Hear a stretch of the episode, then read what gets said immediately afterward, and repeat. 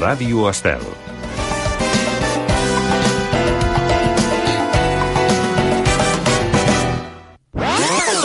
Las dos torres, Aliens el regreso, El Imperio contraataca, El Padrino y Toy Story 2, Indiana Jones y el Templo Maldito, Regreso al Futuro 2, El Caballero Oscuro, Terminator 2, El Juicio Final, Arma Letal 2, Kill Bill Volumen 2 i ara tot cinema temporada 2, ja segons parts, que sí són bones. Arrenquem.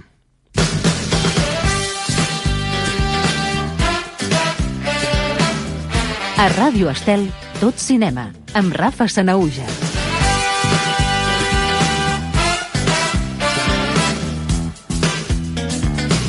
Benvinguts, benvinguts al programa de cinema de la casa en una nova edició i en una nova temporada.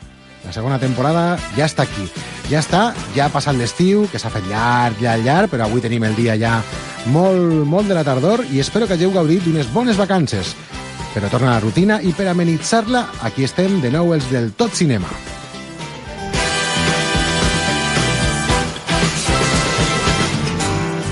Durant els propers minuts tractarem de posar-vos al dia, com sempre, amb totes les novetats sobre el món del cinema, com cada setmana, aquí a la sintonia de Radio Estel. Ja tenim ganes de tornar a estar amb tots vosaltres, perquè és un privilegi que ens escolteu. És dimarts, és setembre, passen uns minuts de dos quarts de set del vespre, con l'alegria que nos caracteritza, com deia Eugenio.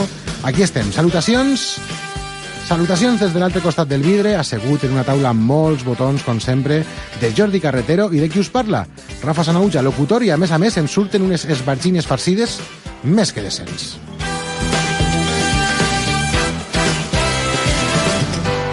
Arrenquem aquesta segona temporada amb alguna novetat que ja anireu veient, però amb el mateix esperit de sempre, que estigueu ben al dia de les novetats al món del cinema. De seguida estem amb les estrenes de la setmana i després tindrem el gust de comentar amb una mica més de profunditat una d'elles, una molt especial i ho farem amb Paco Sánchez, expert en música pop espanyola i conductor del programa Forever Joves a Ràdio Sant Boi, perquè arriba una estrena molt musical i molt profunda, ja veureu.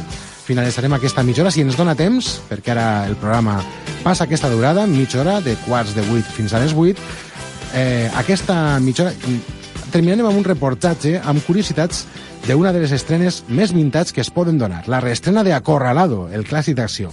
Ja teniu les crispetes i el refresc, així així m'agrada, tots ben asseguts, amb la ràdio engegada, que soni la cortineta del Teniente Cazi, que això és tot cinema, tot cinema. A Ràdio Estel, tot cinema, amb Rafa Sanauja. ¡Ordenó usted código rojo! ¿Quieres respuestas? Creo que tengo derecho a ¿Quieres ellas. respuestas? ¡Quiero la verdad! Les estrenes de la setmana.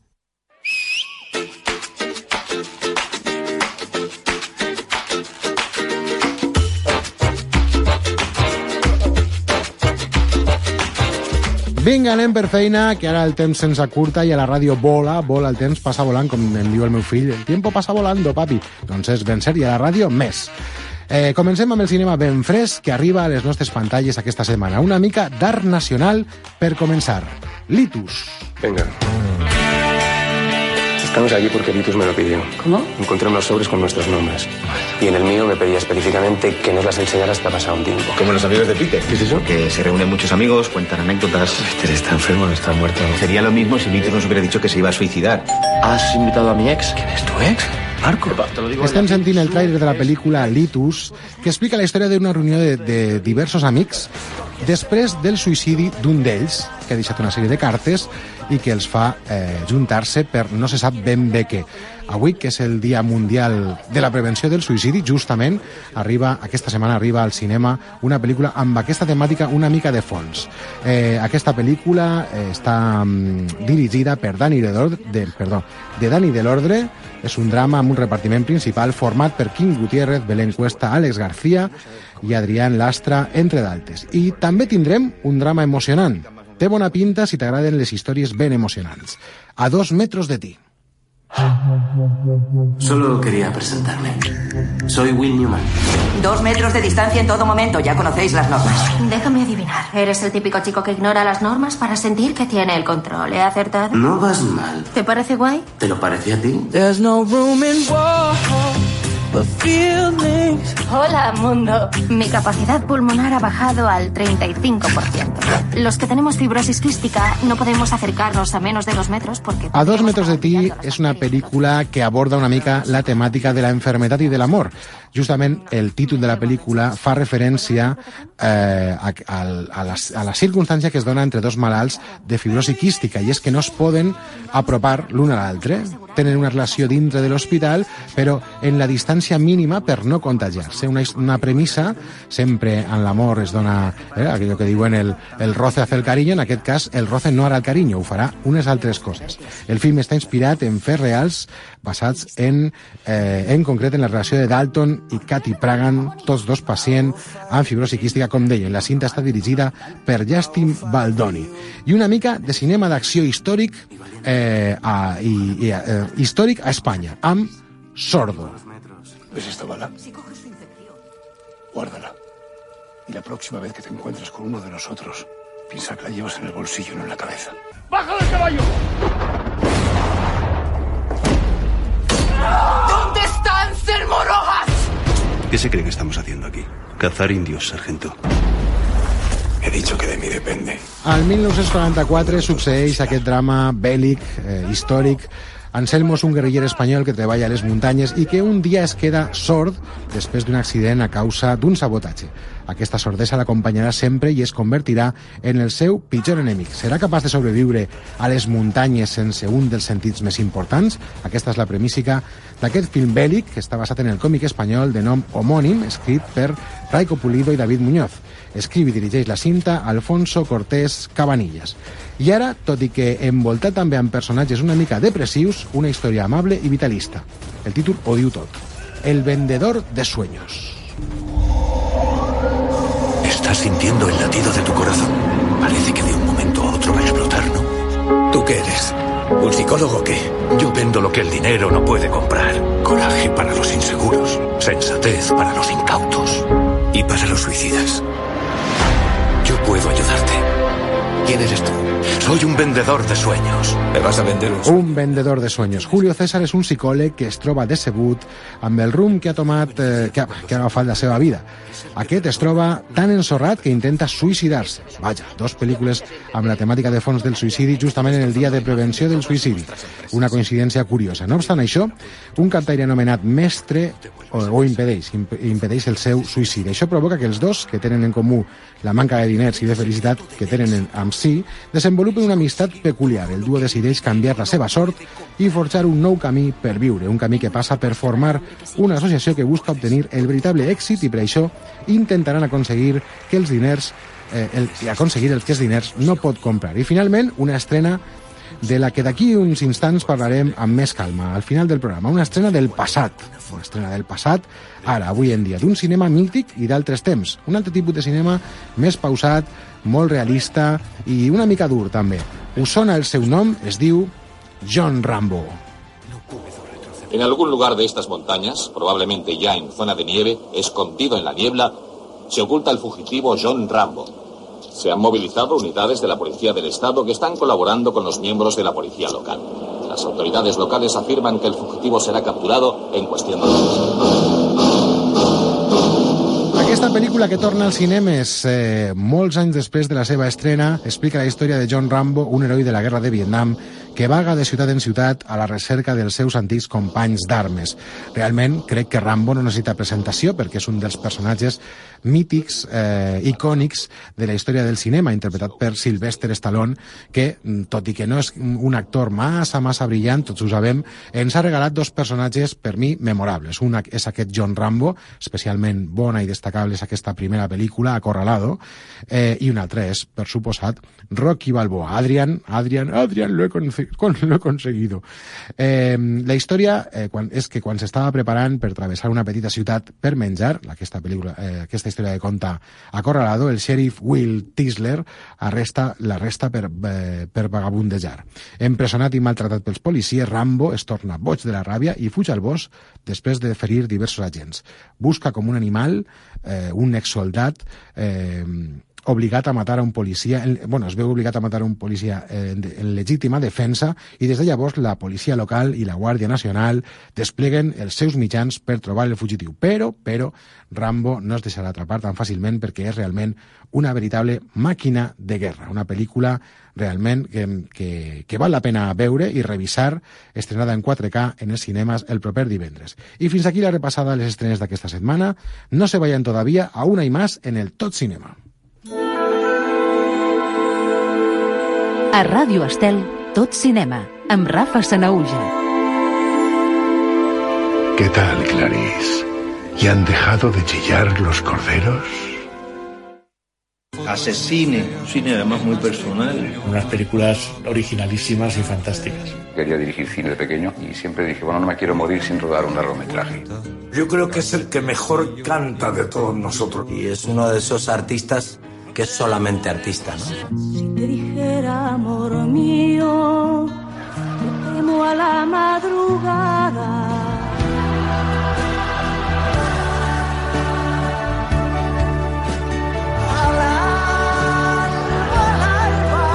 Ha marcado mucho y, y, ha marcado a la gente en su generación, a los que vinieron después y a los chiquilines, como yo les llamo, los que llegan ahora. Claro que sí. Nos sigue haciendo cada día mucha falta.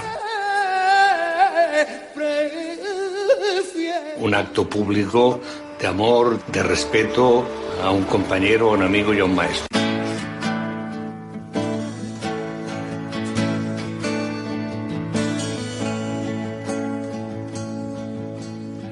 Fue en ese cine, ¿te acuerdas? En una mañana Luis Eduardo Aute. Luis Eduardo Aute és un artista molt polifacètic, cantautor, pintor, poeta, cineasta, dibuixant... Fa un parell d'anys, en el 50 aniversari de la seva carrera musical, va patir un infart que el va mantenir tres mesos en coma i el va portar a apartar de la vida pública. Aquest divendres, justament, s'estrena a les sales Autorretrat, de Gaizka Urresti, un recull dels millors moments de Luis Eduardo Aute en els seus 50 anys de carrera musical, un recorregut per les seves diferents facetes creatives i els seus increïbles, les seves increïbles bandes sonores. Tota la vida de l'artista revelada per un grup de testimonis, col·laboradors i amics que a través dels seus testimonis demostren l'impacte que han tingut les seves icòniques cançons sobre l'actualitat musical i que marcaran a les futures generacions. En el llargmetratge apareixen moltes de les seves cançons i han estat interpretades per artistes com Ana Belén, Joaquín Sabina, Joan Manuel Serrat, Ismael Serrano, Pedro Guerra, Jorge Drexler i Víctor Manuel, entre d'altres.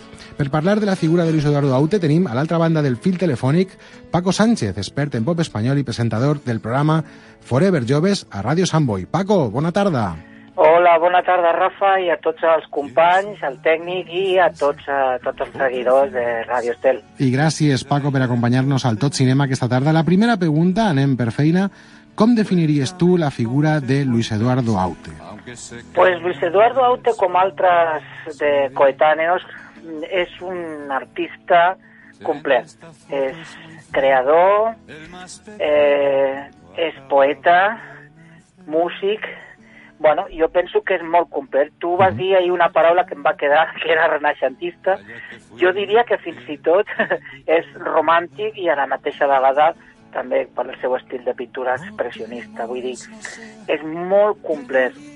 Canta i també crea, és compositor i crea música.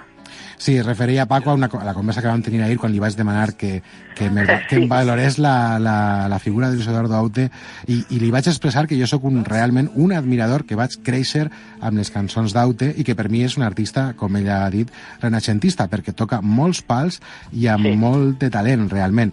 Re, realment la, la meva pregunta era aquesta, la següent pregunta, que és probablement més conegut per les seves cançons, és, és allò que arriba al públic més nombrós, eh, i unes d'aquestes cançons han estat icòniques, però que es tracta d'un artista molt polifacètic, com ja hem valorat.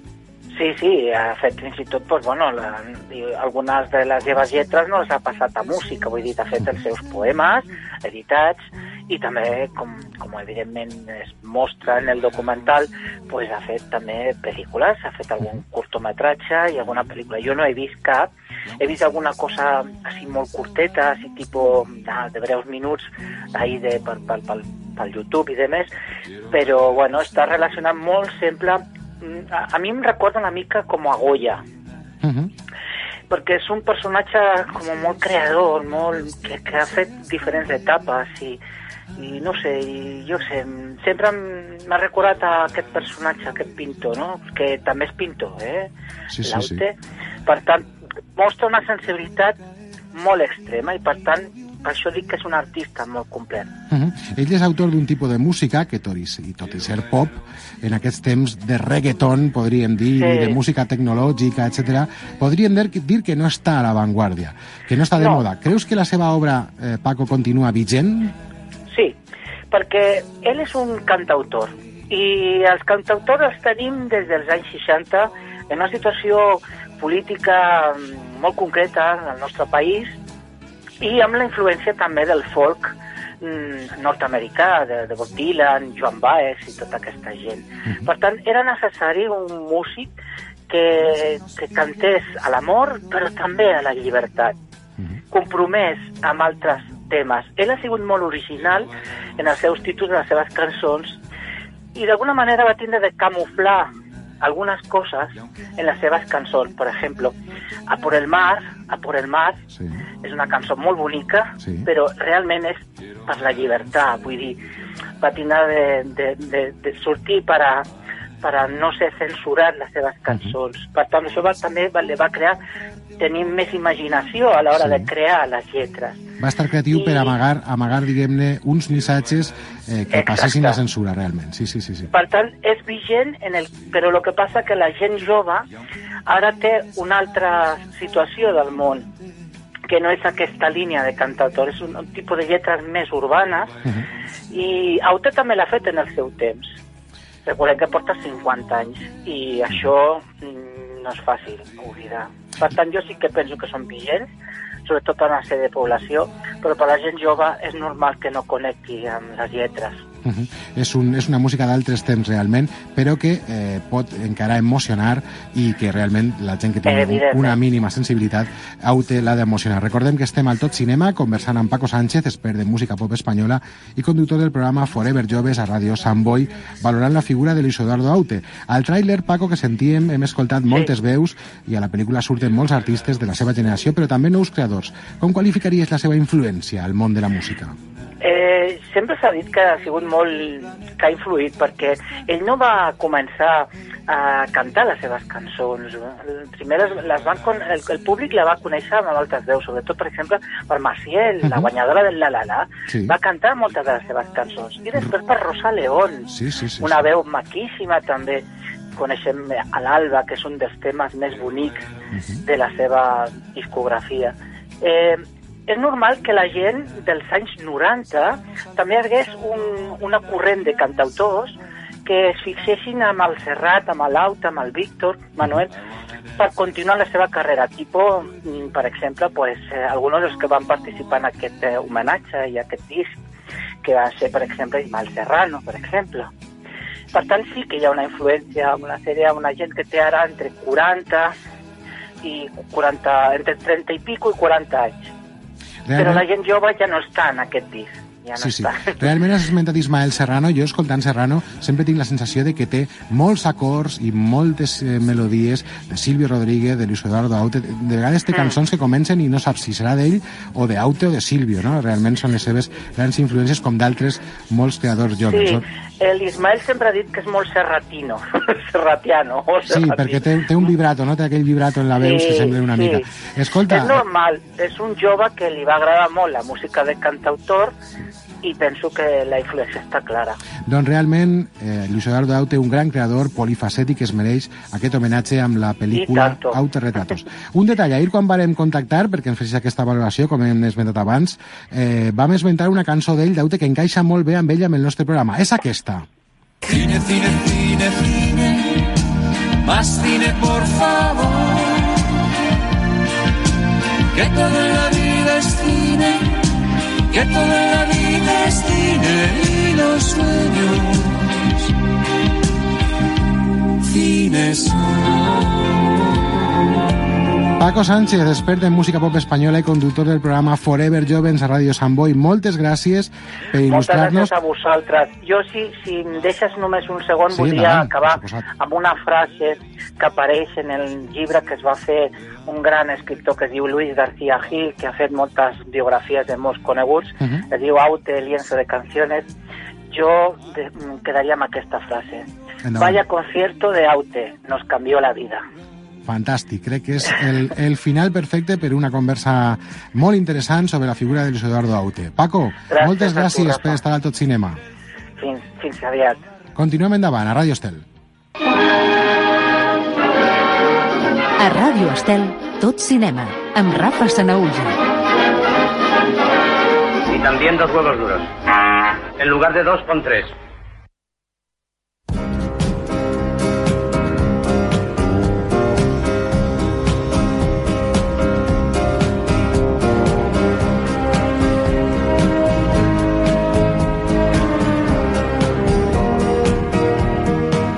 ¿Cómo se le ocurriría a Dios crear un animal como Rambo? Dios no se tomó la molestia de hacerlo. Fui yo.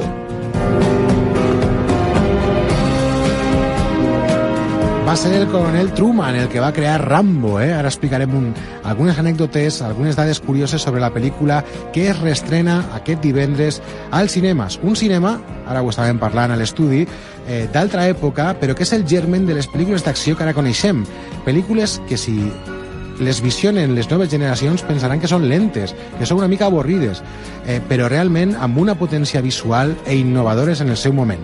No sé si sabeu que Acorralado està basat en una novel·la del mateix nom, escrita per David, David Morrell, 10 anys abans de la seva adaptació al cinema al 1982. El vidor tenia dos anyets. Tot i que s'ha fet popular el fet eh, de que el nom de Rambo significa violent o escandalós en japonès, el nom de Rambo ve d'una variant de les pomes. Atenció, Rambo és una poma. I segons declaracions del propi Stallone, és molt curiós, eh, ell veu a Rambo com el monstre de Frankenstein, que vaga pels boscos incomprès per la humanitat, i al coronel Truman, per suposat, com el doctor Frankenstein. Doncs ell crea Rambo.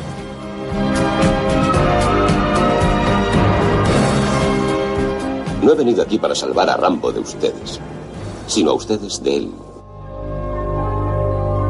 La pel·lícula es va rodar un final alternatiu on Rambo moria a mans del, del coronel Truman, inclús, o sigui, el creador matava la criatura, igual que la novel·la original. Es va canviar per resultar massa depressiu. Eh, I per, fer, per cert, també una altra dada, abans de Sylvester Stallone va haver molts candidats per al paper, entre els quals destaquen noms com Robert De Niro, Nick Nolte, Michael Douglas i fins i tot John Travolta. El més segur, el més segur per interpretar Rambo semblava Al Pacino, però va descartar finalment el paper perquè no es van acceptar les seves propostes per canviar el personatge i fer-lo encara més boig.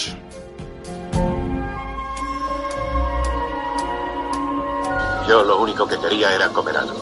Pero ese hombre no dejaba de provocarme, señor. Tampoco tú te has quedado manco. Ellos tiraron primero, no yo.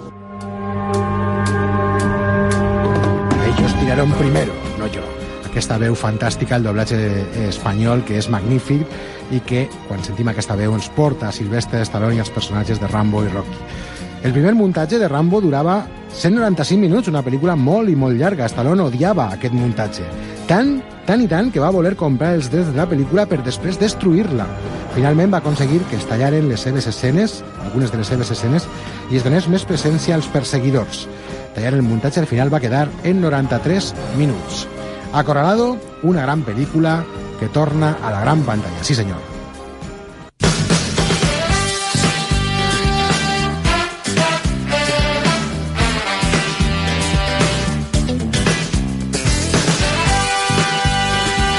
Ja està, Jordi, Jordi Carretero, ja s'ha acabat el programa, ja em la sintonia de comiat. Doncs res, ens tindrem que conformar. Fins aquí, fins aquí el primer Tot Cinema de la temporada, en què us hem presentat les estrenes de la setmana, hem xerrat sobre la figura de Luis Eduardo Aute, que rep un petit homenatge estrenant-se un eh, documental eh, sobre la seva figura i la seva obra als cinemes aquest divendres i hem tingut un petit reportatge sobre dades curioses sobre la pel·lícula Corralado de Silvestre Stallone que també es reestrena, estan de moda les reestrenes. Una salutació del nostre tècnic, que ens m'està tirant la sintonia en aquest moment perquè, perquè hem d'acabar ja, Jordi Carretero, i també una salutació cordial de qui us parla, aquest ditxaratxero locutor, Rafa Sanautxa. Us deixem ara amb un darrer repàs a l'actualitat del dia, a les 8. La setmana que ve, més, i tractarem que sigui millor. Bona nit, bon cinema i bona ràdio. Ara, notícies. We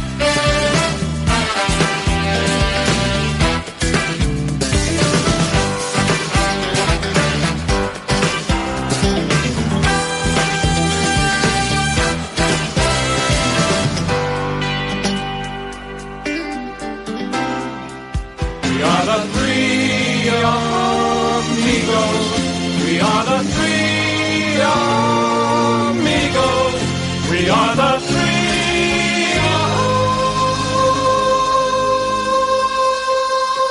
A Ràdio Estel, tot cinema, amb Rafa Sanauja.